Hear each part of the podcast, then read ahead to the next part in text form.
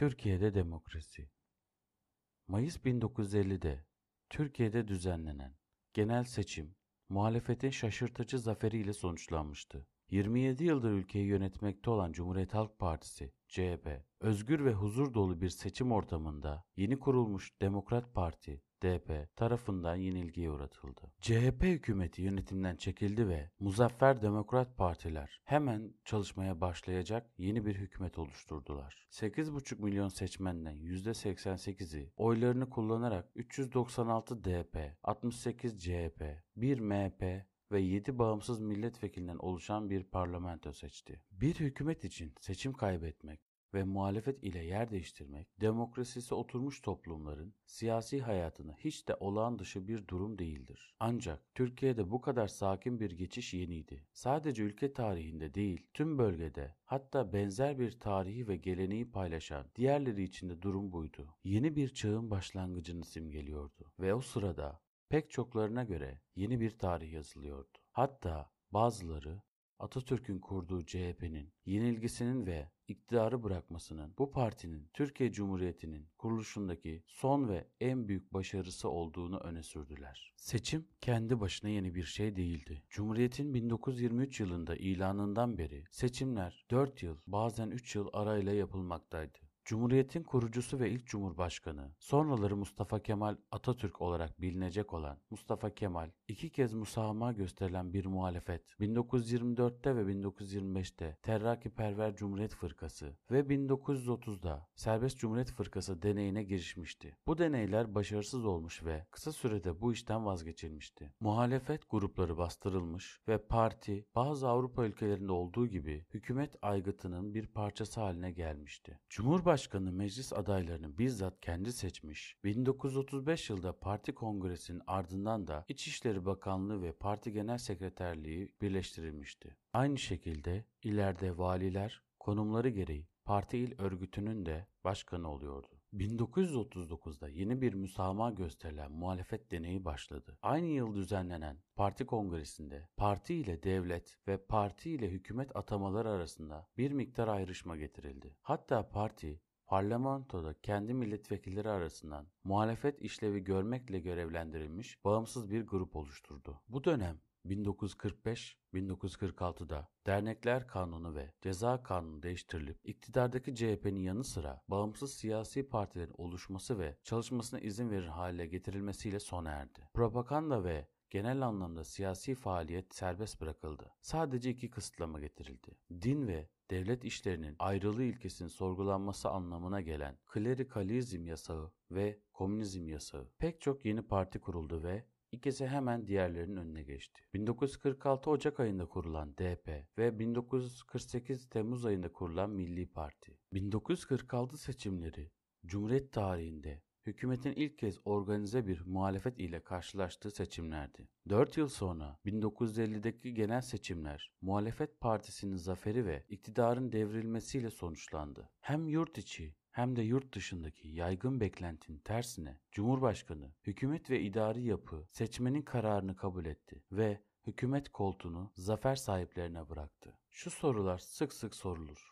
Neden? On yıllardır hükümet aygıtının temel parçası olarak hareket eden bir parti kendi yenilgisini ve azlini neden kabul etmiş hatta bir anlamda hazırlamıştı. O dönemde Türkiye ve yurt dışındaki bazı gözlemciler yanıtı uluslararası durumda buldular. İkinci Dünya Savaşı'nın sonunda ülke tehlikeli bir şekilde dışlanmıştı. Batı'da Türklere ısrarlı ve zaman zaman şüphe uyandıran tarafsızlıkları nedeniyle 23 Şubat 1945'te Almanlara teslim olmalarından birkaç hafta önce savaş açmalarının gidermediği bir hoşnutsuzlukla bakılıyordu. Daha da önemlisi doğu sınırının değişmesi konusunda olduğu kadar Boğaz'daki üslere yönelik talepleri de 1945 ve 1946'da ortaya koymakta hiç zaman kaybetmeyen savaş galibi Sovyetler Birliği'nin tehdidi altındaydı. O zamanki Türk hükümeti Sovyet tehdidine karşı Batı desteğini arkasına almak için bazı demokratikleşme girişimlerinin yardımı olacağını düşünmüş olabilirdi. Hangi gerekçeyle olursa olsun Batı desteği gerçekten de sağlandı. İngiliz ve Amerikan hükümetlerinin cesaretlendirmesiyle Türkler Sovyetlerin taleplerine direndi ve geri çevirdiler. 1947 yılının Mart ayında Truman Doktrinin ilan edilmesi, Türkiye'nin 1952 yılında NATO'ya kabulüyle kurumsallaşan ciddi bir Amerikan desteğini getirmiş oldu. Savaş sonrası demokratik önlemlerin Sovyetlere karşı Batı desteğinin sağlanması için kullanılan bir araçtan başka bir şey olmadığını iddia etmek, konuyu fazlasıyla basite indirgemek olur. Türkiye yeni bir devlet değildi. Yöneticileri de devlet işleri ve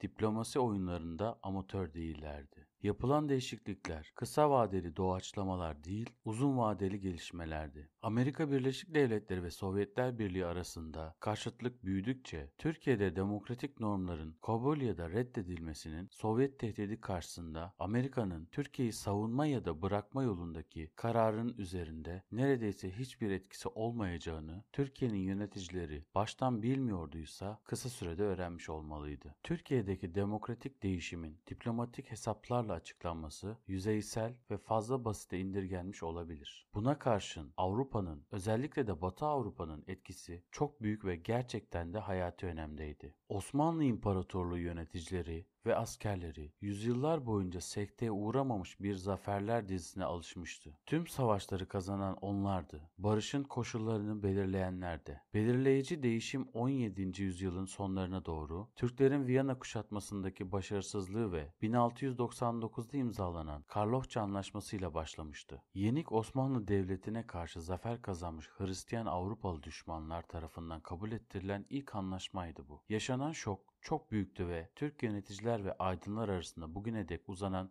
bir tartışmayı başlattı. 18. yüzyıl daha büyük utançları ve ilk kez Türkiye'nin Avrupalı komşularının düşmanları olarak görülen ve dolayısıyla potansiyel müttefik olarak algılanan bazı batılı güçlerle yeni bir ilişki getirdi beraberinde. 19. yüzyıl boyunca hem yöneticiler hem de aydınlar Batı'nın zenginlik, güç ve özveriyle karşılaştırıldığında kendi toplumlarının ne kadar yoksul, devletlerinin ne kadar güçsüz olduğunu farkına giderek daha çok vardılar. Türkler ilk defa Batı dillerini öğrenmeye, batılı danışmanları ve hatta eğitimcileri çağırmaya ve daha önce düşünülmesi bile söz konusu olmayan bir şeydi bu. Kendi öğrencilerini Batı ülkelerine göndermeye başladı. Bu Avrupa ülkelerinde saygı uyandıracak ve taklit edilecek çok şey vardı. Daha 19. yüzyılın ilk yarısında devrimci Fransa'nın fikir ve yöntemleriyle İngiliz parlamenter monarşisi Türk aydınlarının oluşturduğu küçük gruplarda ilgi uyandırmaktaydı. Kırım Savaşı'nda ilk kez büyük çaplı İngiliz ve Fransız birlikleri Ruslara karşı Türklerin müttefiki olarak onlarla yan yana savaştı. Kırım Savaşı telgraf ve günlük gazete gibi başka yenilikler de getirdi. Az çok demokratik batılı güçlerin tamamen antidemokratik Rus düşmanları karşısında kazandığı zaferin etkisi böylelikle daha doğrudan ve daha yaygın oldu eskiye göre. Bunu 1860'lardaki demokratik hareketler ve yarı demokratik reformlar izledi. Bunlardan bazıları tepeden inme reformlardı. Yurt dışından finansal kredi ve siyasal iyi niyet elde etmek amacıyla tasarlanmış sınırlı imtiyazlar ve göstermelik kurumlardı. Uzun vadede bunlardan daha önemlisi tabandan gelen ve büyüyen hareketlerdi. Öncekilerden farklı olarak ne kabilesel, ne etnik, ne mezhepsel, ne bölgesel olan ortak bir amaç uğruna yalnızca bağımsızlık değil, aynı zamanda özgürlük uğruna farklı bölgelerden, etnik gruplardan ve dinlerden insanları bir araya getiren bir ideoloji ve hedeften esinlenen yetkiye karşı çıkan ilk hareketlerdi bunlar. Bunların içinde en önemlisi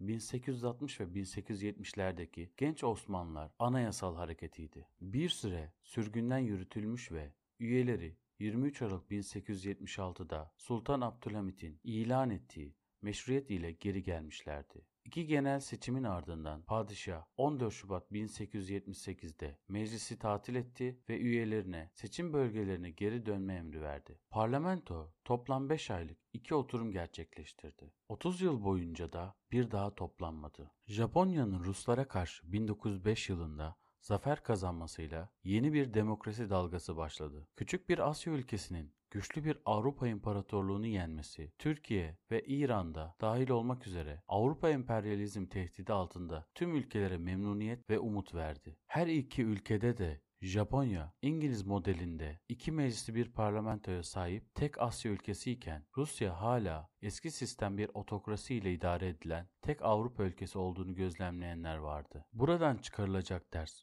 o sıralarda çok açık gözüküyordu ve bir tür parlamenter rejimin yerleştiği Rusya'da bile anlaşılmıştı. Bu ders kısa zamanda 1906 İran devrimi ve 1908 Jön Türk devrimi ile uygulanmaya konmuş oldu. Biri anayasal yönetim başlatmak, diğeri ise yeniden kurmak içindi. İki ülkede de devrimler arzulanan sonuçlara ulaşamadı. Türkiye'de Jön Türkler neredeyse en başından itibaren hem ülke içindeki anlaşmazlıklarla hem de dış ülkelerin müdahalesiyle mücadele etmek zorunda kaldılar. 1914'te savaş çıktığı sırada Jön Türk rejimi alaşağı edip yerine aldığı geleneksel, bu yüzden de bir ölçüde sınırlı, otoriter rejimden daha baskıcı ve daha yıkıcı bir otokrasi haline dönüşmüştü.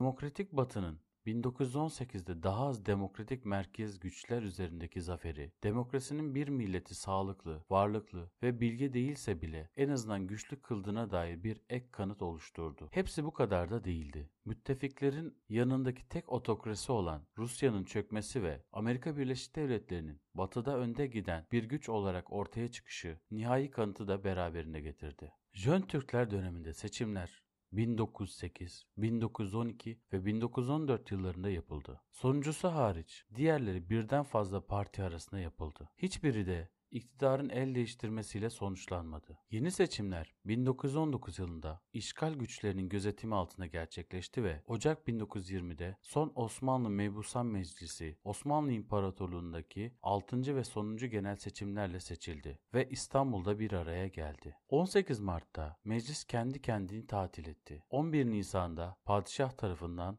feshedildi. 12 gün sonra Türkiye Büyük Millet Meclisi Mustafa Kemal'in önderliğinde açılış oturumunu Ankara'da gerçekleştirdi. Neredeyse başından itibaren milli mücadelenin tam ortasındayken meclisin anayasal konulara odaklanması çok çarpıcıdır. 20 Ocak 1920'de ortaya çıkmakta olan Türk Devleti'nin geçici anayasası işlevi görecek olan Teşkilatı Esasiye Kanunu kabul edildi. 29 Ekim 1923'te uzun tartışmalar sonunda meclis 6 ek maddeyi kabul ederek Türkiye'nin yönetim şeklinin cumhuriyet olduğunu, Cumhurbaşkanının Büyük Millet Meclisi tarafından herkesin katıldığı oturumda kendi üyeler arasından seçileceği, Cumhurbaşkanının devletin başı olacağını ve Başbakanı görevlendirileceğini ilan etti. Yeni düzen 20 Nisan 1924'te meclis tarafından benimsenen Cumhuriyet Anayasası onaylandı. Nisan 1928'de yapılan büyük bir değişiklikle ikinci maddedeki Türkiye Devleti'nin dini İslam'dır cümlesi çıkarılarak yeniden düzenlenmiş, diğer maddelerde de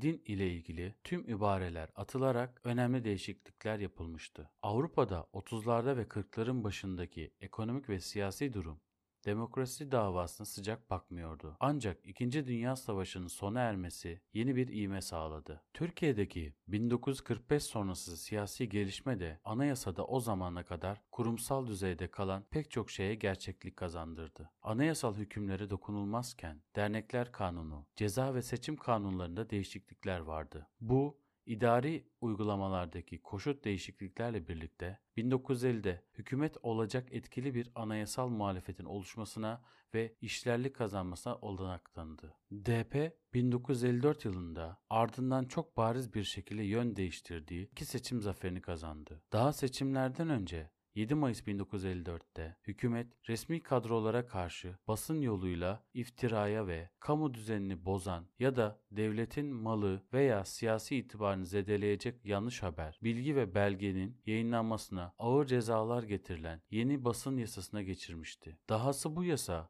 söz edilen kapsamdaki suçlamaların doğruluğunun kanıtlanmasının suçlamanın yapılabilmesi için gerekli olmadığını da hükme bağlıyordu. Seçim zaferinden sonra 21 Haziran ve 5 Temmuz'da DP hükümete 25 yıllık hizmeti bulunan yargıçları hemen devlet memurları ile silahlı kuvvetler mensupları ise bir süre açığı aldıktan sonra emekli ayırma yetkisini veren iki yeni yasa çıkardı. Yargıçları ilgilendiren bu yasa özellikle önemliydi. Serbest seçimleri gerçekten mümkün kılan değişikliklerden biri seçim idaresi sorumluluğunun valilerden ve dolayısıyla İçişleri Bakanlığı'ndan alınıp Türkiye'de büyük ölçüde bağımsızlığı olan yargıçlara aktarılmasıydı. DP iktidarı daha baskıcı bir hale geldikçe ve meclisi daha etkin bir şekilde denetimi altına aldıkça muhalefetin elindeki tek itiraz yolu olarak mahkemeler ve özellikle de bağımsız hakimler kalmıştı. Böyle pek çok dava açıldı. Bunların arasından en önemli olanı Ankara'daki Yargıtay'a uzanıyordu. 25 yıldan az görev yapmış biri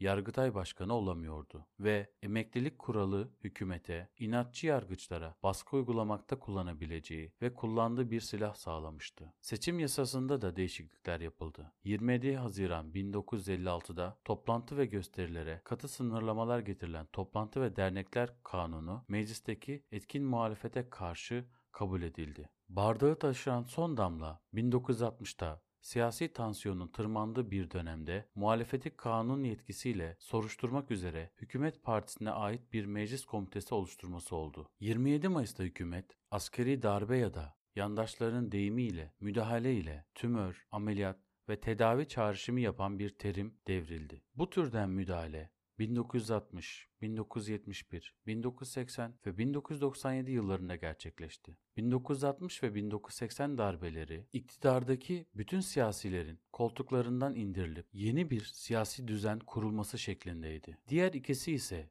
1971 ve 1997 askeri güçlerin devlet yönetimdeki siyasiler üzerindeki perde arkası baskısı şeklinde olmuştu. En radikal olanı Şüphesiz 1960 ihtilaliydi. Hükümet işlerini yönetmek üzere daha sonra da Cumhurbaşkanlığına getirilecek olan Cemal Gürsel'in de başında bulunduğu üst düzey askerlerden meydana gelen Milli Birlik Konseyi MBK kuruldu. Takip eden değişikliklerde ordu aydınlar tarafından açıkça destekleniyordu ve geniş bir seçmen kesiminden de onay aldığının emareleri görülüyordu. Askeri idarecilerin başından itibaren izledikleri çizgi demokrasiyi yıkmak değil, yeniden tesis etmeye geldikleri ve bu amaca ulaştıklarında siyaseti bırakıp kışlalarına çekilecekleri doğrultusundaydı. Elbette bu gibi açıklamalar yurt içinde ve büyük çapta yurt dışında belirli bir şüpheyle karşılandı. Bu şüphe daha sonraki günlerde tutuklanıp özellikle anayasanın ihlali gibi farklı cürümlerle suçlanan, alaşağı edilmiş DP liderlerine karşı alınan sert tedbirlerle arttı. Uzun bir mahkeme döneminin ardından yargılananların 123'ü serbest bırakıldı. 31 kişi ömür boyu hapis cezasına, 418 kişi daha düşük cezalara ve 15 kişi de ölüm cezasına çarptırıldı.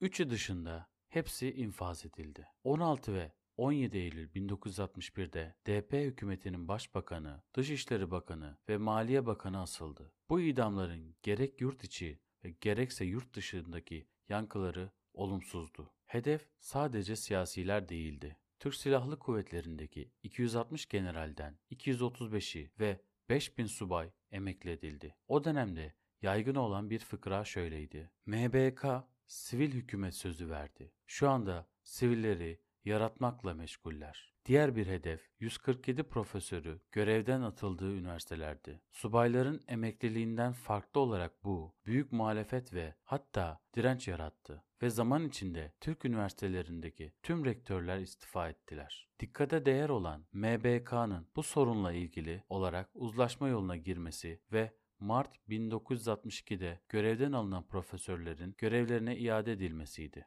MBK belli ki göreve iade edilmeyen emekli subaylar adına yapılan itirazlarla uğraşmak açısından daha sağlam bir zemin olduğunu hissediyordu. Komite yine de ikinci bir askeri darbeye karşı kendini korumaya aldı. Bu arada Türkiye'nin yeni idarecileri demokrasiyi yeniden tahsis etmek iddialarını gerçekleştirmek için adımlar atıyordu. MBK birkaç gün içinde geçiş dönemi için geçici bir anayasanın yapılması ve yeni ve kalıcı anayasanın ivedi bir şekilde hazırlanmaya başlaması için karar aldı. Bu işler bazı hukukçular ve hukuk eğitimi almış iki kurmay yüzbaşından oluşan bir gruba devredildi. 12 Haziran'da yayımlanan geçici anayasa, ordunun hareketini yasal ve anayasal düzlemde savunan bir ifadeyle başlıyordu. Yeni anayasanın ön sezine göre önceki rejim anayasayı ihlal etmiş, kişi hak ve özgürlüklerini sınırlamış, muhalefetin işlerliğini imkansız hale getirmiş ve tek parti diktatörlüğünü kurmuştu. Ordu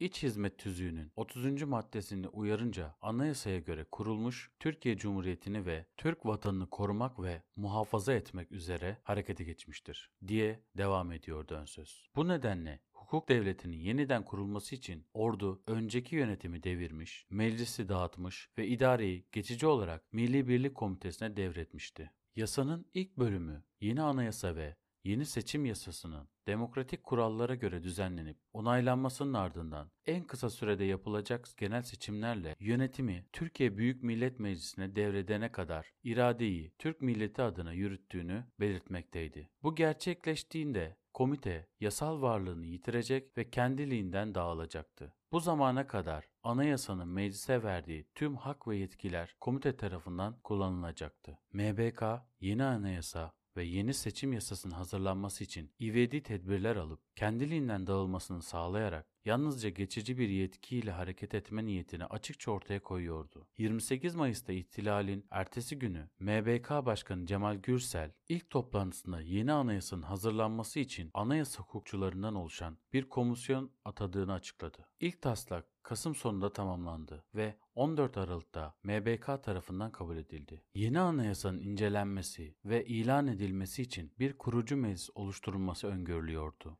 Seçimler ve adayların belirlenmesi Aralık ayında ve Ocak ayının başında gerçekleşti. Kurucu meclis 6 Ocak 1961'de toplandı. Bazı tartışma ve düzeltmelerin ardından yeni anayasa 31 Mayıs 1961'de resmi gazetede yayınlandı. Kurucu meclis, tasarı halindeki anayasanın referandum için halka sunulması ve referandumun belirtilen şekilde uygulanmasını gerekli kılan bir yasayı zaten kabul etmişti. 9 Temmuz'da yapılan referandumda yeni anayasa seçmenlerin %61.7'sinin evet oyuyla kabul edildi. Referandumda 38.3'lük bir kesim hayır demiş ve 12,75 milyonluk toplam seçmenin 2,5 milyonu çekimser oy kullanmıştı. Çoğunluk çok kuvvetli olmasa da anayasayı uygulamaya sokmak ve seçimlerin iradesini özgür ve dürüst bir şekilde ortaya koyarak kabul edildiğini göstermek için yeterliydi. 1961 Anayasasıyla pek çok yeni kurum, özellikle de Senato ve Anayasa Mahkemesi ortaya çıktı. Yeni anayasa aynı zamanda askerlerin sesinin güçlü çıktığı bir Milli Güvenlik Konseyi'ni MGK 1971'de anayasa değişikliğiyle hayata geçirdi. Yeni anayasa altındaki ilk parlamento seçimleri 15 Ekim 1961'de yapıldı. Pek çok gözlemci anayasa referandumu gibi bu seçimin de özgür ve adil olduğunda hemfikirdi. Ama yine de bir sınırlama vardı. Milli Birlik Konseyi seçimlerden önce seçime katılacak tüm partilerden DP'li politikacıların davaları ya da müdahalenin kendisiyle ilgili herhangi bir seçim kampanyası yapmayacaklarına dair söz aldı. CHP 173 koltuk, %36,7 oy. Adalet Partisi olarak AP yeniden açılan DP 158 koltuk %34,7 oy aldı seçimlerde. Kalan oylar daha küçük partilere bölünmüştü. Bu sonuçlar solda Türkiye Sosyalist İşçi Partisi, sağda daha yeni ve radikal gruplara kadar uzanan eskisinden daha geniş bir siyasal ideoloji ve politika alanı içeriyordu. Bu yeni partilerin doğup büyümesine izin veren 1961 Anayasası Selefinden çok daha liberaldi. Hatta pek çokları artan bir şekilde kutuplaşan bir toplum için fazla liberal olduğunu düşünmeye başlamıştı. Yeni hükümetler çoğunlukla merkez sağdaydı ve kısa sürede eski tüfek Kemalistlerin kalesi olan Anayasa Mahkemesi ile çatışma haline gelmişlerdi. Aynı zamanda yeni özgürlük sağda ve solda daha radikal güçler tarafından istismar edilmekteydi. Din karşısındaki tavırlarda da ilginç bir değişim söz konusuydu. 1950 1960 yılları arasında yönetimde bulunan DP hükümeti Kemalist devrimin katı laikliğinden uzaklaşmış ve İslami unsurları yatıştırma amacıyla özellikle eğitim alanında pek çok adım atmıştı. İkinci Cumhuriyet hükümetleri Kemalist laikliğe geri dönmediler. Daha ziyade modern bir İslam inancını öne çıkararak İslami tepkiyi doğmadan yatıştırmaya çalıştılar. Ama şeriatın yeniden gündeme gelmesi ya da İslam'ın bir devlet dini haline gelmesi söz konusu değildi. Tam tersine dinin siyasi amaçlarla kullanımı suç kılan 1925 tarihli bir yasa anayasada yer almıştı. 1961 Eylül'ünde yapılan seçimler sonunda hiçbir siyasi parti çoğunluk sağlayamadı ve bu nedenle Türk siyasetçileri görünüşe göre bir parça ordu baskısı altında koalisyon kurmaya mecbur kaldı. Acı olmayan ve değişken koalisyonlar döneminde Adalet Partisi giderek konumunu güçlendirdi. Ekim 1965 seçimlerinde AP, geçerli oyların az bir farklı ama açıkça çoğunluğunu %52.9 ve dolayısıyla parlamentodaki sandalyelerin çoğunu kazandı. Geri kalan sandalyeler CHP, %28,7 ve diğer küçük partiler arasında dağılmıştı. AP Başkanı Süleyman Demirel hükümeti bir süre için etkin bir şekilde idare edebildi. Ancak kendi partisi de bir anlamda farklı ve zaman zaman çelişkili çıkarların bir koalisyonu gibiydi. Süleyman Demirel'in konumu ayrıca 1950'lerde olduğu gibi güçlü bir yürütmenin ortaya çıkışını engellemek için 61 Anayasasında oluşturulmuş güçler ayrılığını sağlayan dengeleyici pek çok unsur ile zayıflamıştı. Hakimler ve özellikle anayasa mahkemeleri devlet elinde olan ama özelliğini koruyan radyo ve televizyon bunların yanı sıra basın hükümetin kanunlarına karşı durabilir ve hatta onları iptal ettirebilirdi. Ve nitekim bunu yapmışlardı. Üniversiteler özertti ve rektör istemedikçe isyan çıksa bile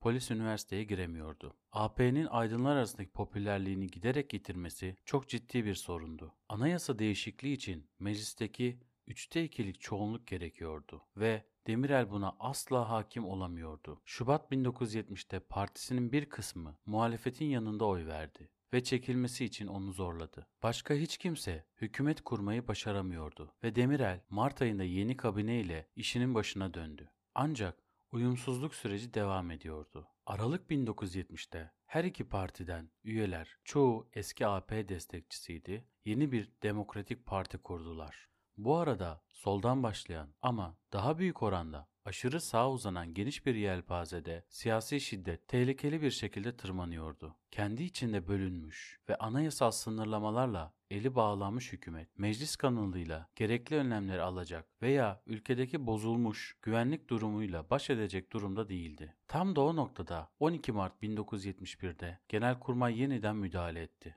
Bu kez müdahale başbakana verilen bir muhtıra şeklindeydi ve güçlü bir hükümetin oluşturulmasını ve artan anarşinin sonlandırılmasını talep ediyordu. Aksi takdirde ordu anayasal görevini yerine götürmek zorunda kalacak ve hükümeti ele geçirecekti. Demirel çekildi ve askerin siyasete karışmasına yönelik kimi itirazlara karşın çoğunluğu teknokratlardan oluşan yeni hükümet kuruldu. Açıklanan niyeti öncelikle dirlik ve düzenin yeniden sağlamak ve sonra ayrıntılı ekonomik, sosyal ve siyasi reform programlarını yürürlüğe koymaktı. Ancak hükümet koşullarla baş edemeyeceğini gösterdi ve Nisan ayında MGK büyük şehirlerde dahil olmak üzere ülkenin pek çok yerinde sıkı yönetimi ilan etti. Bu askerlere şüpheli solcuların ve hatta liberallerin tutuklandığı yoğun bir programı yürütme imkanı sağladı. Raporlara göre 5000 kişi birden tutuklandı ve 1976 yılında kaldırılana dek devlet güvenlik mahkemelerinde 3000'den fazla kişinin davası görüldü. 1973, 1977 ve 1979'da yapılan seçimler parlamentodaki partilerin temsilinde önemli değişikliklere yol açtı. Ama siyasi istikrara kavuşturamadı. Kararsız koalisyonlardan meydana gelen zayıf hükümetler bir varlık gösteremediler. Adalet Partisi ve Cumhuriyet Halk Partisi işbirliği içine giremeyecek gibi görünüyorlardı ve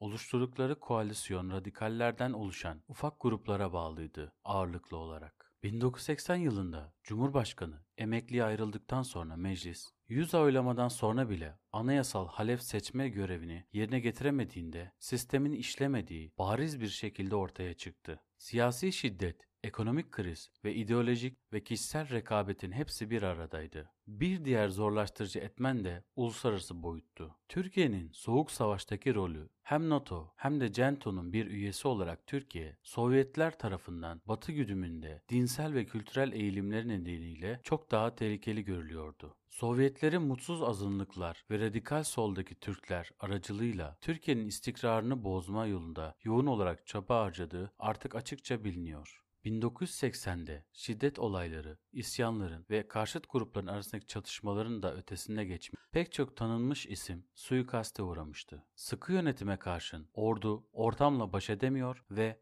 daha öte bir eyleme gereksinim olduğu kararını alıyordu. 2 Ocak 1980'de siyasilere Mart 1971'dekine benzer bir muhtıra verdiler. Bu kez hiç tepki alamadılar. Bu nedenle 12 Eylül 1980'de Türk ordusu yönetime bir kez daha el koydu. İlk bildiride parlamentonun dağıldığını, kabinenin azledildiğini ve parlamenterlerin dokunulmazlığının kaldırıldığını duyurmuşlardı. Hemen ardından iki radikal sendikanın faaliyetleri durduruldu. Parti liderleri tutuklandı ve olağanüstü hali ilan edildi. Bazı geçmiş durumlardaki gibi ordu harekete geçmelerini siyasal sistemin çökmesi gerekçesiyle açıkladı ve niyetlerinin demokrasiyi yeniden kurmak olduğunu söyledi. Ünlü bir Fransız sözü, savaş generallere bırakılmayacak kadar önemlidir der. Türk generallerinin görüşü de demokrasi politikacılara bırakılmayacak kadar önemlidir şeklindeydi. Türkiye'de yaşananlar bu tür bir görüşe bir ölçüde inanılabilirlik vermektedir. Bu kez tasfiye 1960'taki ile karşılaştırıldığında daha az sertti. Hapse atılan politikacılar çok geçmeden serbest bırakıldı ve haklarında dava açılanlardan ikisi aklandı. Ancak eski politikacıların siyaset yapma yasağı ve sadece milletvekillerinin değil, belediye başkanlarının ve belediye meclis üyelerinin de görevden alınmasına devam edildi. Yeni bir siyasi düzen yaratma konusunda kararlı girişim kendisine yeni anayasada zemin buldu. Bu anayasa bir anayasa kurulu tarafından hazırlandı ve 7 Aralık 1982 tarihinde referandumda %91.4 oyla kabul edildi. Bu anayasa ve bir önceki anayasa arasındaki farkın çarpıcılığı bu referandumun hangi sıkı koşullar altında yapıldığını gösterir. Bu anayasadaki yeni koşullardan biri oy vermenin zorunlu oluşuydu ve oy verme yaşında olup da oy vermeyenlerin para cezası ve 5 yıllık politik haklardan mahrumiyet cezası uygulandı. Sadece Güneydoğu bölgesindeki Kürt bölgelerinde daha küçük çoğunluk oyu çıktı. Birçok açıdan 3. Cumhuriyet'in anayasası bir önceki 1961 anayasasının tam tersiydi.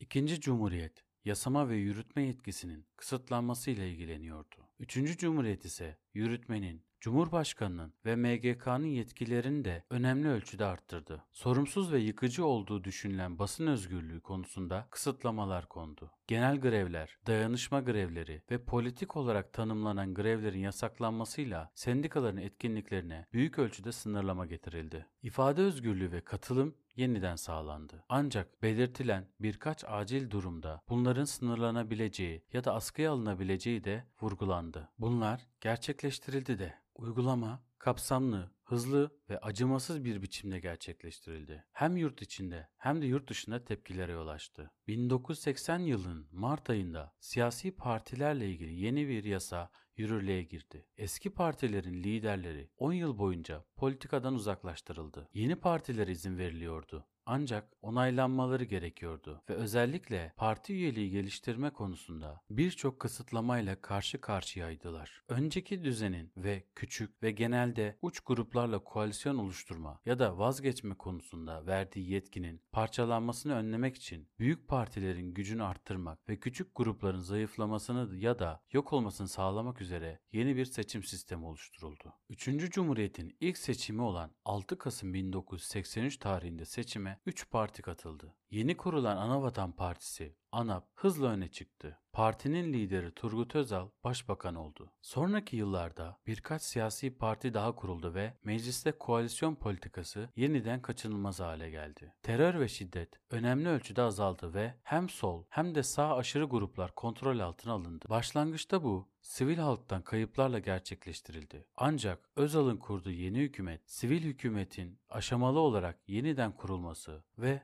tartışmaların başlamasını sağladı. 1987 yılında Özal, Genelkurmay Başkanlığı görevine ordu tarafından sunulan adaya karşı çıkacak kadar ileri gitti ve bunun yerine başka bir subay atadı. Bu belki de ülkedeki sivil güçler ve ordu arasındaki dengenin değiştiğinin bir göstergesiydi. Aynı yılın Eylül ayında Başbakan Özal, ordunun baskısıyla anayasa değişikliği getiren bir referandum düzenlemek zorunda kaldı. Bu referandum eski politikacıların siyaset yasaklarının kaldırılması amacını taşıyordu. Anayasa değişikliği küçük bir farkla %49,76'ya karşı %50,24 ile kabul edildi. Referandumdan hemen sonra Özal aynı yılın Kasım ayında genel seçimleri yaptı. Ağırlıklı nispi temsil sistemi sayesinde ANAP oy yitirmesine karşın meclisteki üstünlüğünü korudu. Cumhurbaşkanının görev süresi Kasım 1989'da dolunca Özal Cumhurbaşkanı seçildi ve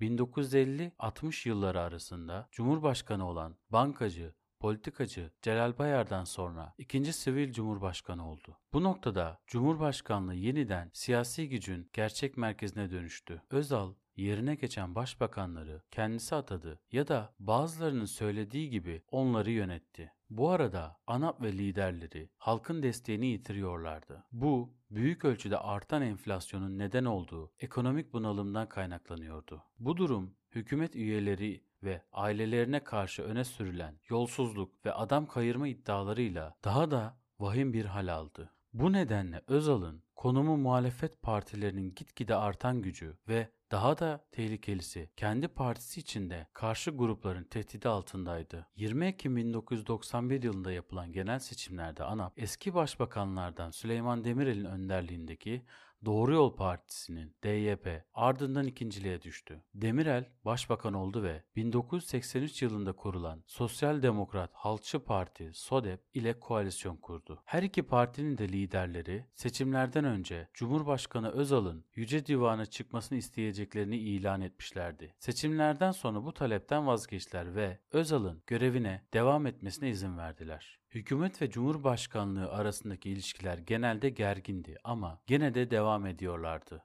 ve Özal'ın demokratikleşme ve ekonomide liberalleşme ile ilgili temel politikalarını geliştiriyorlardı. Yeni hükümet ile yaşanan balayı kısa sürdü. Güvenlik ortamı bozuldu. Kendisine devrimci sol adını yakıştıran hareket yeniden canlandı ve özellikle adalet mensupları, polis ve ordu mensuplarına yönelik siyasi cinayetler arttı. MGK aracılığıyla hareket eden ordu ile siviller arasındaki rahatsızlık politik oyun sürüyordu. Hükümet içinde kanlı, bıçaklı koalisyon ortakları ve hatta aynı parti içinde farklı gruplar arasında bile çekişme sürüyordu. Ortaya çıkan siyasi belirsizlik, gitgide artan ekonomik sorunlarla ve özellikle hızla artan enflasyonla ya da uluslararası alandaki yeni mücadelelerle etkin bir biçimde başa çıkılmasını güçleştiriyordu. Soğuk Savaş'ın sona ermesi ve Sovyetler Birliği'nin çöküşü bazı tehlikeleri ortadan kaldırmakla birlikte aynı anda yeni güçlükleri ve fırsatları beraberinde getiriyordu. Yeni bağımsızlığa kavuşan eski Sovyet Cumhuriyetlerinden altısı büyük oranda Müslümandı ve bunlardan beşi Türkçe'ye yakın bir dil konuşuyordu. Yardım ve önderlik konusunda Türkiye'den doğal olarak beklentileri vardı. Avrupa Birliği ile ilişkiler de bundan etkileniyordu. Sovyet tehdidi ortadan kalkınca Avrupalılar Türklerin iyi niyetine daha az önem vermeye başladılar. Ayrıca Türkler artık Avrupalıların gözünde adaylığa kabul konusunda daha nitelikli rakiplerle yarışmak zorundaydı. Kuzeyden gelecek tehditler ortadan kalkınca Türkler güney ve doğu sınırı ötesindeki önceden ihmal ettikleri ülkelere daha çok ilgi gösterebileceklerdi. İran'daki 1979 İslam devrimi Türkiye'deki birçok insanda hem umut hem de kaygı yarattı. İslam'ın politik ve daha da belirgin bir biçimde bir seçim faktörü olarak ortaya çıkması savaş sonrası döneminde CHP hükümetinin gerçekten şaibeli bir seçim karşısında İslam inançlarına ve duygularına ilgi göstermek zorunda kalmasından kaynaklanmaktadır. İslam'ın resmi kurum niteliğinden çıkarılması ve din ile devlet işlerinin kesin bir biçimde ayrılması Atatürk'ün reformlarının ve kurduğu siyasi düzenin temel taşıydı. Hem CHP döneminde hem de orduda halefleri bu geleneği sürdürdü. Din eğitimi ve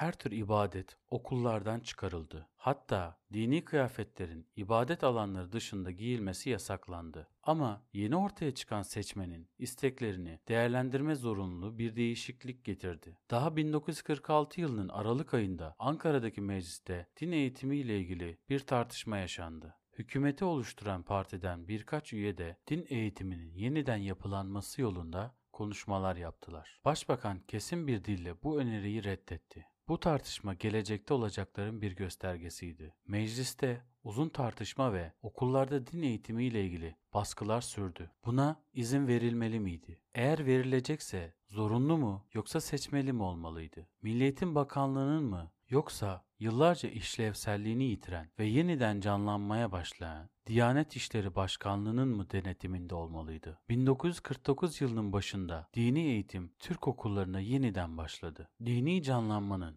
ya da daha doğru bir deyimle dini etkinliğin canlanmasının başka göstergeleri de vardı. Buna Ankara Üniversitesi'nde İlahiyat Fakültesi'nin açılması ve ezanın Arapçadan Türkçe'ye çevrilmesi de eklendi. 1950'de hükümetin değişmesinden sonra dini etkinliğin özellikle de öncülerinin artan kendine güveninden başka belirtileri de ortaya çıktı. Artık daha çok insan camiye gidiyordu. Daha önce akıllara gelmeyecek olan Arap alfabesiyle yazılmış metinler kamuya ait duvarlarda görülmeye başladı. Birçok yeni yayın arasında İslam tarihi ve öğretisi üzerine hem bilimsel çalışmalar hem de popüler inanış üzerine incelemeler vardı. Uzun bir aradan sonra birçok Türk Mekke'ye hacca gitmeye başladı. 1950 yılında hükümetin bu amaç için döviz ayrılmayacağını duyurmasına karşın Türk hacı sayısı yaklaşık 9 bin kişiydi. Belki de en önemli gösterge yeni ve farklı dini basın kuruluşlarının ortaya çıkmasıydı. Arka arkaya gelen hükümetlerin yönetiminde din eğitimi okullarda ve üniversitelerde yerini sağlamlaştırdı ve yaygınlaştırdı. Özellikle de İmam Hatip okulları denen yeni bir teşkilat genişledi. Özünde imamların ve vaizlerin yetiştirilmesi için kurulan bu okullar dini kapsamda hem ilk hem de orta dereceli öğretim sundu ve layık devlet okulları karşısında birçoğu için bir seçenek oluşturdu. İç politikada daha önemli bir olay da 1970 yılında Milli Nizam Partisi adıyla ilk İslamcı partinin kuruluşuydu. Kurucusu bir mühendislik profesörü olan ve meclise bir yıl önce bağımsız olarak giren Necmettin Erbakan'dı. Parti 1971 yılında kapatıldı ve 1973 yılında Milli Selamet Partisi adıyla yeniden ortaya çıktı. Bu kez parti hükümette koalisyona katıldı ve lideri, başbakan yardımcısı ve devlet bakanı oldu. Süleyman Demirel'in 1974 ve 1977 yıllarındaki kabinelerinde hizmet ettikten sonra parti 1980 darbesinden sonra yeniden kapatıldı ve Erbakan'ın öteki siyasetçilerle birlikte siyaset yapması yasaklandı. Diğerleriyle birlikte 1987 yılında aktif siyaset yaşamına geri döndü ve partisi Refah Partisi RP ismiyle yeniden kuruldu. Bu parti anayasanın üyelik grupları ve teşkilat oluşturmasını engellediği diğer partilerle karşılaştırdığında önemli ölçüde bir avantaj elde etti. RP'nin dini okullar, çalışma grupları vakıflar ve cemaatler sayesinde hazır bekleyen bir teşkilata konduğunu söylemek yanlış olmaz. Bununla birlikte resmi olarak RP arasında bir bağlantı kurulmasa da örgütü olmayan öteki siyasi partilere açık olmayan bir yöntem sayesinde RP'ye hizmet ettiler. Bu örgütlerin hatta RP'nin İslamcılardan, örgütlerden ve yurt dışındaki hükümetlerden özellikle de İran, Suudi Arabistan ve Libya'dan büyük ölçüde yardım aldığı bildiriliyordu. Bu önemli fonlar dini partinin ve örgütlerin gece kondu bölgelerinde, büyük şehirlerde ve çevresinde şimdiye kadar Türkiye Cumhuriyeti'nde görülmemiş ölçüde büyük bir refah programı üstlenmesini sağladı. 1991 yılındaki seçimlerde mecliste temsil oranını arttırdılar. 1994 yılında yerel seçimlerde İstanbul ve Ankara belediye başkanlıklarını kazandılar. 17 Nisan 1993 günü Cumhurbaşkanı Özal'ın ölümünden sonra Başbakan Demirel Cumhurbaşkanı oldu ve başkanlığı Türk tarihinde ilk kez bir kadına kendisi Doğru Yol Partisi'nin DYP lideri olarak izleyen Tansu Çiller'e bıraktı. Halefleri ve selefleri gibi Çiller de bir koalisyon hükümeti kurmak zorunda kaldı. 1995 Aralık ayındaki seçimlerde yaklaşık olarak toplam oyların %20'sine ulaşan RP'nin meclisteki sandalye sayısında önemli bir artış yaşandı. Artık dini parti Türkiye Cumhuriyeti tarihinde ilk kez mecliste en çok sandalyeye sahip parti unvanına sahip oluyordu. 1994 yılı yerel seçimlerindeki zaferlerinin ardından parti lideri Necmettin Erbakan önemli bir güç ve otorite kazandı. İlk işi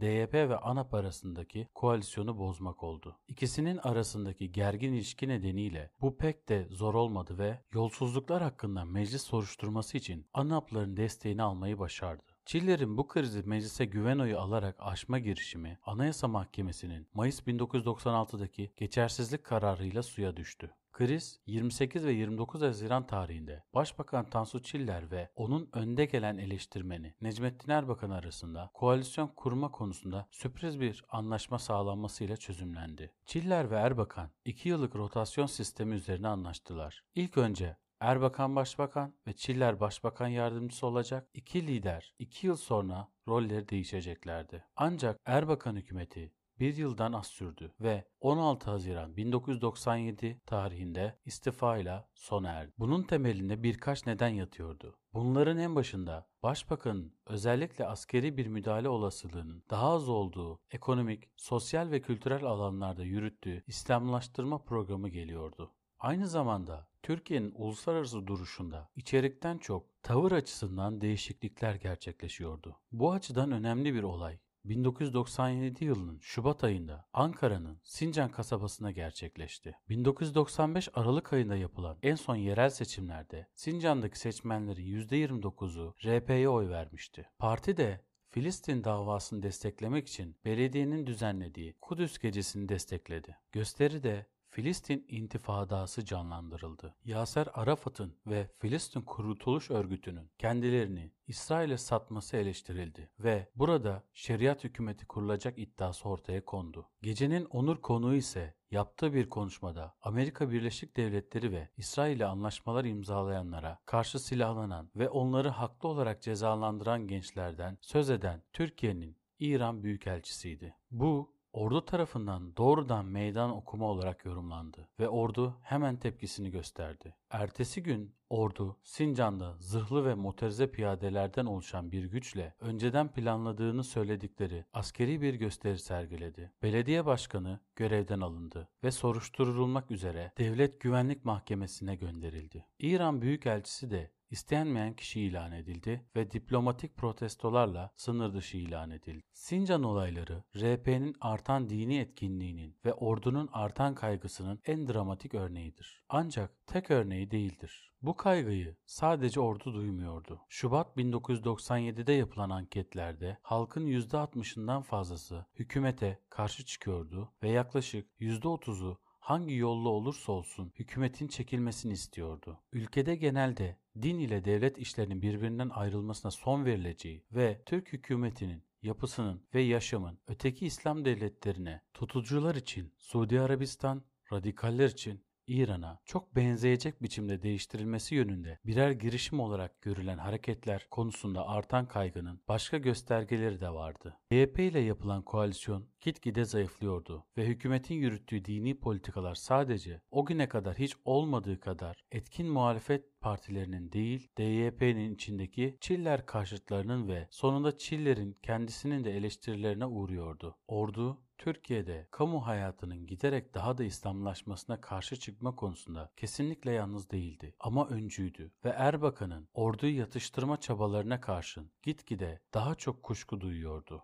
Ordunun en önemli etkinlik aracı 1971'de kurulan MGK idi. Nisan 1997'de düzenlenen bir basın toplantısında üst düzey bir general MGK'nın onayıyla Cumhuriyet'in anayasasının ve bütünlüğünün dış güçlerle karşılaştırıldığında iç güçlerin daha yoğun tehdidi altında olduğu ve bunlar arasında en tehlikeli olanın şeriatçılık olduğunu açıklamasını yaptı. Bu arada Tansu Çiller Başbakan'a yönelik daha saldırgan bir tutum sergilemeye başladı ve Mayıs 1997'de bir yılın sonunda daha iki yıl dolmadan Başbakanlığın rotasyonunu talep etti. Haziran ayında partisinin oy birliği alınan kararla Erbakan'a bir ultimatom verdi ve başkanlığı derhal kendisine vermesini talep ederek aksi bir durumda DYP'nin koalisyondan çekileceğini bildirdi. Bir yandan koalisyon ortağının, öte yandan da MGK'nın baskısıyla karşı karşıya kalan Erbakan, 16 Haziran günü istifa etmeye karar verdi. Cumhurbaşkanı Demirel artık yeni bir başbakan atamak zorundaydı. Kökten dincilerle işbirliği yapmayı reddeden ANAP'ın lideri Mesut Yılmaz'ı seçti. Ordunun 1997 yılında oynadığı rol bir askeri darbeden ya da Türk usulü bir müdahaleden uzaktı. Türk basını bunu postmodern bir darbe olarak niteledi. 1971'deki durumdan farklı olarak ordu işin içinde yer alan birkaç etkenden sadece biriydi. 1999 yılında genel seçimler meclisin yapısında önemli bir değişikliğe yol açtı. Bu nedenle yeni bir koalisyon oluşan, yeni bir hükümetin kurulmasına neden oldu. Ancak genel durumda herhangi bir köklü değişiklik olmadı. Mayıs 2000'de Cumhurbaşkanı Süleyman Demirel'in ayrılması üzerine meclis Anayasa Mahkemesi Başkanı Ahmet Necdet Sezer'i Cumhurbaşkanı olarak seçti. Türk ordusunun siyasi sürece sürekli müdahalesinin nedenlerinden biri de özellikle yinelenen terör olayları Sokaklarda ve kampüslerde aşırı uçlar arasında gerçekleşen olayların tehdidi altında olan güvenlik durumuydu. Bunların en tehlikelisi ise Güneydoğu bölgesine 80'li yılların ortalarında başlayan ve Marksist PKK öncülüğündeki silahlı Kürt ayaklanmasıydı. Azınlık sorunu Türkiye için yeni bir sorun değildi. Ancak geçmişte azınlıklar her zaman etnik değil, dini boyutta ele alınıyordu ve bunlar için uygun düzenlemeler yapılıyordu. Osmanlı İmparatorluğu'nda daha önceki Müslüman devletlerde olduğu gibi Rumlar, Ermeniler,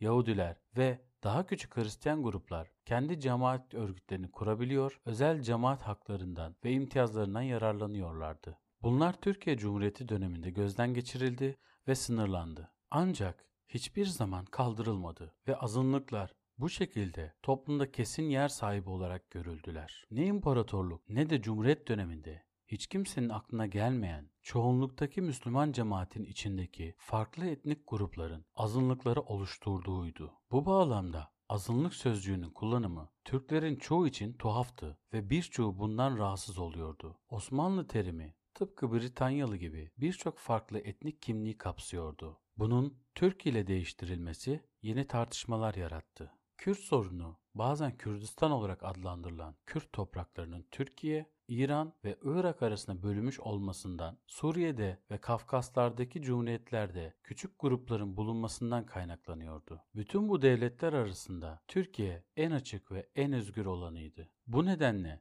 Kürt hareketinin başlıca atılımı Türk rejimine karşı yönelmeliydi. Elbette Türk devletini zayıflatmak isteyen öteki unsurlardan özellikle Sovyetler Birliği, İran ve Suriye'den yardım görmeleri kesindi. Türk hükümetleri Kürt ulusal hareketiyle sanki böyle bir hareket yokmuş gibi davranarak başa çıkmaya çalıştı. Kürt kökenli Türk vatandaşları ötekiler gibi Türktü. Aynı görevlere, haklara ve fırsatlara sahiptiler. Bunun en doğal kanıtı Kürt ya da kısmen Kürt kökenli çok sayıda insanın devlette cumhurbaşkanlığı, üst düzey yönetim ve hükümet görevleri gibi önemli kademelere gelmesiydi. Bu tür atamalardaki gizli koşul kendi Kürt kökenleri üzerinde yersiz vurgulama yapılmamasıydı. Türkiye'deki Kürtlerin çoğu için bu uzun bir süre kabul edilebilir gözüktü. Ancak gitgide artan sayıdaki insanlar için kabul edilemez hale gelmişti. Beklentileri minimum düzeyde Kürt dilinin tanınmasından ve kullanılmasından maksimum düzeyde ayrılık ve bağımsızlık talebine kadar değişiklik gösteriyordu. Bu son talep genelde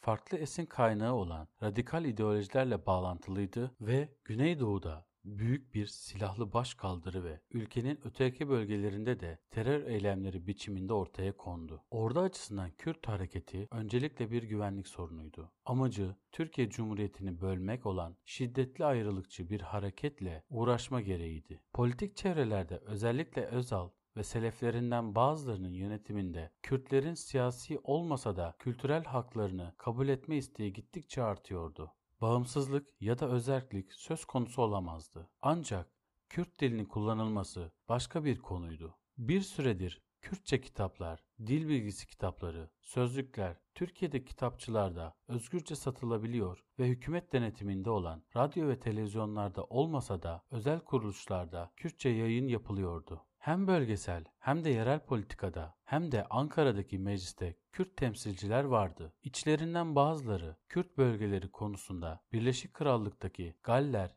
ya da hatta İskoçya'ya benzer bir düzenlemenin yapılmasını önerecek, bazıları da böyle bir politikanın sonucunun İrlanda ya da Bask örneğine benzeyeceğini öne sürecek kadar ileri gitti. Bu arada bölücülük ve terör karşısında mücadele sürdüren ordu, önemli merkezlerde bile Kürt örgütleri üzerinde kesin kısıtlamalar getirmeye devam etmekteydi. Ordu sözcüleri sürekli olarak Türk devletinin karşısındaki en büyük iki tehlikenin Kürt sorunu ve kökten dincilik olduğunu, bunlardan birinin ulusal ve bölgesel birliği, ötekinin ise laik ve modern kurumu tehdit ettiğini ileri sürüyorlardı. Bir üçüncü tehlike ise istikrarsızlık yani koalisyonlarda ve koalisyonları oluşturan partilerde yaşanan sürekli değişim ve parçalanma, siyasi ve sosyal düzenin bozulmasını sağlayan radikallere yol açmasıydı. Ordu liderleri ve sözcüleri tarafından sık sık dile getirildiği gibi silahlı kuvvetlerin zorunlu görevi ülkenin toprak bütünlüğü ve yapısını iç ve dış düşmanlar karşısında korumaktır ve ordu en önemli tehlikeyi iç düşmanların oluşturduğu konusundaki görüşünü gizlememiştir. İlk bakışta ordunun böylesine güçlü ve yaygın bir rol oynadığını ve bunun MGK ile kurumsallaştığı bir politikada demokrasinin geleceğinin pek parlak olmadığı düşünülebilir. Ancak bu görüş yanıltıcıdır. Açıklamaları uyarınca ve genel eğilimin aksine ordu liderleri her defasında yapacaklarının söyledikleri şeyleri, düzeni sağlamak, demokratik yasayı kurmak ve tekrar barakalara dönmek yapmışlardır. Son 40 yıldır en az 4 askeri müdahale oldu. Önemli olan bu müdahalelerin gerçekleşmiş olması değildi. Çünkü ne de olsa bu bölgedeki norm ve siyasi kültür buydu. Bütün bu 4 müdahaleden sonra ordu çekildi ve demokratik süreci yeniden başlamasına izin verdi ve hatta bu süreci kolaylaştırdı. Profesör Samuel Huntington'un da gözlemlediği gibi kurulmuş bir demokrasi olarak nitelendirilebilmesi için toplumun en az iki kez seçim ile hükümetini değiştirmiş olması gerekir. Türkiye, bölgedeki seçimlerin hükümetleri değiştirmemesinden daha yaygın olduğu, hükümetlerin seçimleri değiştirdiği bir bölgede bu testi iki kez değil birkaç kez verdi. Akla kaçınılmaz olarak gelen soru, Türk ordusunun neden başka ülkelerdeki gibi askeri darbeleri yapanların tersine kendi yönetimlerini güçlendirmek yerine sona erdirmeyi yeğlediğiydi. Sorunun yanıtının bir bölümü açık. Ordunun politikaya girmesi demek, politikanın orduya girmesi demek.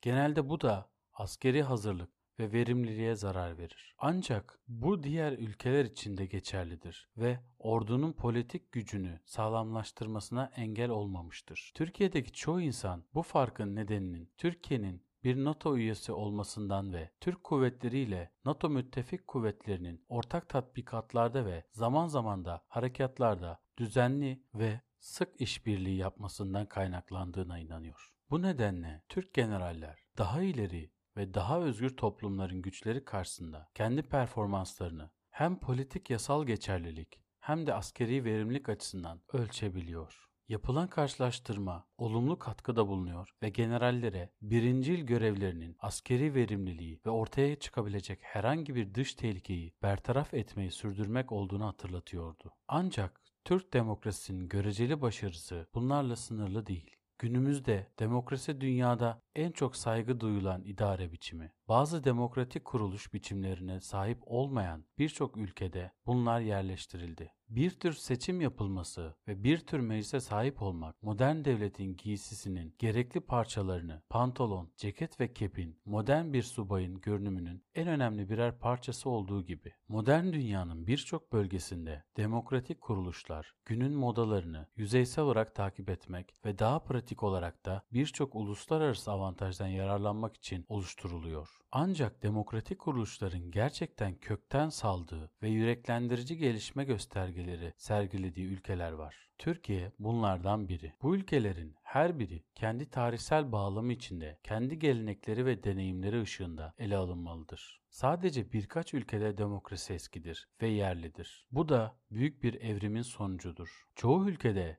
demokrasi yenidir ve ithal edilmiştir. Bazılarında ise demokratik kuruluşlar ülkeyi terk eden emperyalistler tarafından miras bırakılmıştır. Bazılarında galip gelen düşmanlar tarafından empoze edilmiştir. Türk demokrasisi ne miras alınmış ne de empoze edilmiştir. Türk demokrasisi Türklerin özgür seçimini temsil etmiştir. Büyük ölçüde yabancı modeller üzerine kurulduğu doğrudur. Ancak modellerin seçimi ya da yanlış seçimi kendilerine aittir ve demokratik gelişmenin biçimi ve hızı dış güçlerden çok kendileri tarafından belirlenmiştir. Bu da bu kuruluşlara daha çok sağ kalma şansı tanımıştır. Demokratik kuruluşlar bunları kabul edecek ve işletecek insanlar arasında daha kolay var olma şansı bulur. Ve bu istek belirli bir ekonomik düzey, sosyal ve siyasi gelişim düzeyine ulaşmış olmayı gerektirir. Bu açıdan ülkenin ekonomik gelişimi ve etkin ve verimli bir girişimci sınıfın ortaya çıkması büyük önem taşır. Demokratik gelişim daha eski ve daha köklü geleneklerin yardımıyla da sağlanabilir. Bunlar demokratik olmasa bile halkın demokrasi hazırlanmasına yardımcı olabilir. Geleneksel İslam geçmişi bu tür özellikler sunar. Bütün yasaların üzerinde olan ve yöneticinin de tabi olduğu bir yasa kavramı. Yönetici ve yönetilen arasındaki yöneticinin eylemlerinin ve emirlerinin yüce yasayla çelişmesi durumunda sona erdirilebilecek sözleşmeli ilişki kavramı. Egemen güç üzerinde bu kısıtlamaların çok ileri gitmediği bir gerçektir. Yasanın kendisi yöneticilere otokratik güç verir. Hangi emirlerin yasal olup olmadığı konusunda hiçbir işlem yapmaz. Hatta tartışılmaz bile. 19. ve 20. yüzyılda modernleşme süreci bu durumun tersini kanıtlamıştır. Bunlar bir yandan yeni araçlarını, yöneticilerin güçlerini pekiştirme ve yönlendirme araçlarına dönüştürerek durumu kötüleştirirken bir yandan da daha önce egemenliğin etkin bir şekilde uygulanmasını sınırlayan aracı güçler ki bunların arasında bölgeye önde gelenleri, şehir aristokratları ve sulh yargıçları, dini ve askeri kuruluşlar vardır.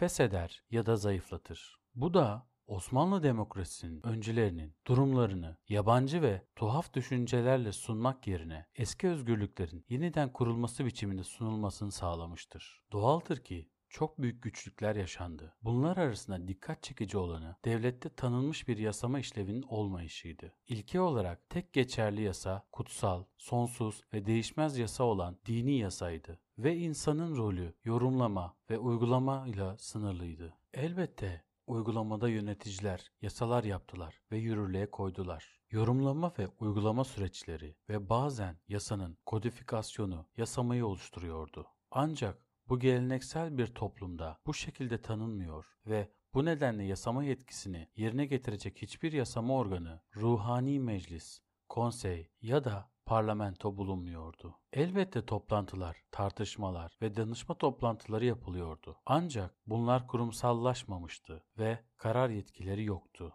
Merkezde yasama meclisinin ve başka noktalarda da benzer yapıların olmadığı düşünüldüğünde Batı tarzı temsil ve çoğunluk kararından oluşan iki yönlü demokrasiyi geliştirmeye ve uygulamaya gerek yoktu. Benzer mirasa sahip öteki ülkelerde olduğu gibi Türkiye'de de siyasi gelenek büyük ölçüde emir ve itaatlerden oluşuyordu. Bu iki alışkanlıktan vazgeçmek güçtür. Ancak bir girişimde bulunulmuştu. Bu da önemli ölçüde başarıya ulaştı. Türk demokrasisinin göreceli başarısının bir açıklaması da başka yerlerde demokrasi yanlışlarının kavranması ve belki düzeltilmesine verilen değer olabilir. Sık ileri sürülen nedenlerden biri de Türk devletinin aralıksız varlığını sürdürmesidir. Batılı olmayan devletler arasında sadece Türkiye hiçbir zaman sömürgecilik yaşamamıştır ve hiçbir zaman imparatorluk yönetimi altına girmemiştir. Türkler her zaman kendi evlerinin ve gerçekte de uzun bir süre birçok evin sahibi olmuştur. İmparatorluklarını kaybettiklerinde ve kendi evlerinde bile direnişle karşılaştıklarında Kurtuluş Savaşı'nı kazandılar ve böylelikle bir gerçekçilik düzeyine ve bununla